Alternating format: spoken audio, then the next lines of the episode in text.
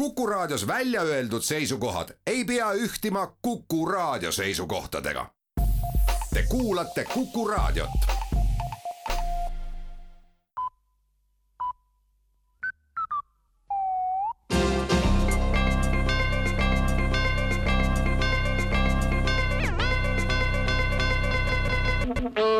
tere uudiste stuudiost, mikrofoni juures Rohke Debelak valitsus annab teada, et on vaadanud üle Riigikontrolli hinnangud riigi toimimise tulevikuperspektiivide osas. õpetajate, päästjate, arstide, õdede, politseinike ja mitmete teiste elutähtsate ametikohtade täitmine vajalikul tasemel on tõepoolest lähiaastatel küsitav, ent pilt on tegelikult laiem. kui õpetajaid, arste ja politseinikke ja päästjaid jääb järjest vähemaks, siis on loogiline, et ka teisi inimesi jääb järjest vähemaks ja abivajajate hulk ei ole nii suur järjest vähem on, keda õpetada, ravida, päästa või kelle järele valvata. olukorra edasise halvenemise vältimiseks on valitsus välja kuulutanud ka riigihanke esialgu kahesaja tonni liiva soetamiseks, mille alla oleks riigiametnikel mugav pead peita.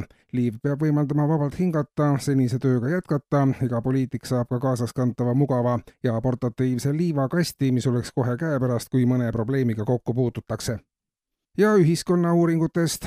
valminud on uuring, mis näitab, et juhid vajavad hästi hakkama saamiseks enam kui kaks korda suuremat töötasu kui reatöötajad. kui juhtidel on hakkama saamiseks vaja minimaalselt kahe tuhande viiesaja eurost põhipalka, siis reatöötajad said hakkama ka tuhande eurose palgaga Eesti majanduse probleemide üks võimalik põhjus on seega selgumas, kui juhid ei saa hakkama enam kui kaks korda suurema palgaga, kuidas nad siis veel ettevõtte juhtimisega hakkama saavad, kui ei oska juhtida isegi enda hakkamasaamist. seda asubki riik nüüd uurima ja tõenäoliselt on väljapääsuks töötajate töötasu langetamine, sest tugevamad peavad raskematel aegadel nõrgematele alati abikäe ulatama. valitsuse sõnul on see sidusa riigi üks tunnuseid kliima soojenemise üheks põhjuseks võib olla üha suurenev inimeste hulk, kes on peast soojad, nii leiab värske EKRE poolt tellitud uuring.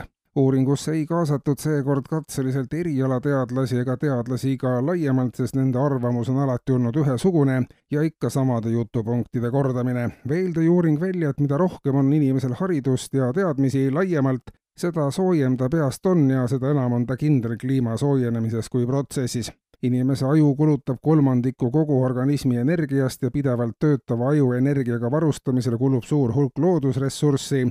kliima soojenemisest rääkijad on kahepalgelised, koguvad järjest teadmisi, kasutavad järjest enam oma aju ja kulutavad sellele üha rohkem energiat ja soojendavad oma sooja peaga kogu planeeti tegelikke samme planeedi päästmiseks astuvad hoopis suurima opositsioonierakonna toetajad, kes on suuri ressursse raiskava aju kasutamise sisuliselt lõpetanud ja võivad puhta südametunnistusega elada, märgitakse uuringu kokkuvõtteks.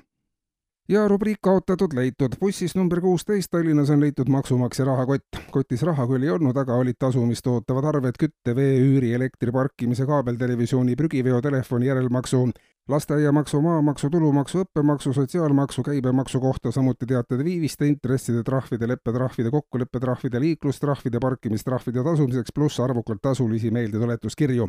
maksumaksja oli rahakoti hüljanud ilmselt seetõttu, et see kaalus enam kui kümme kilogrammi ja nõuete kogu kaal ei võimaldanud tal seda enam kõrvalise abita ühest kohast teise liigutada.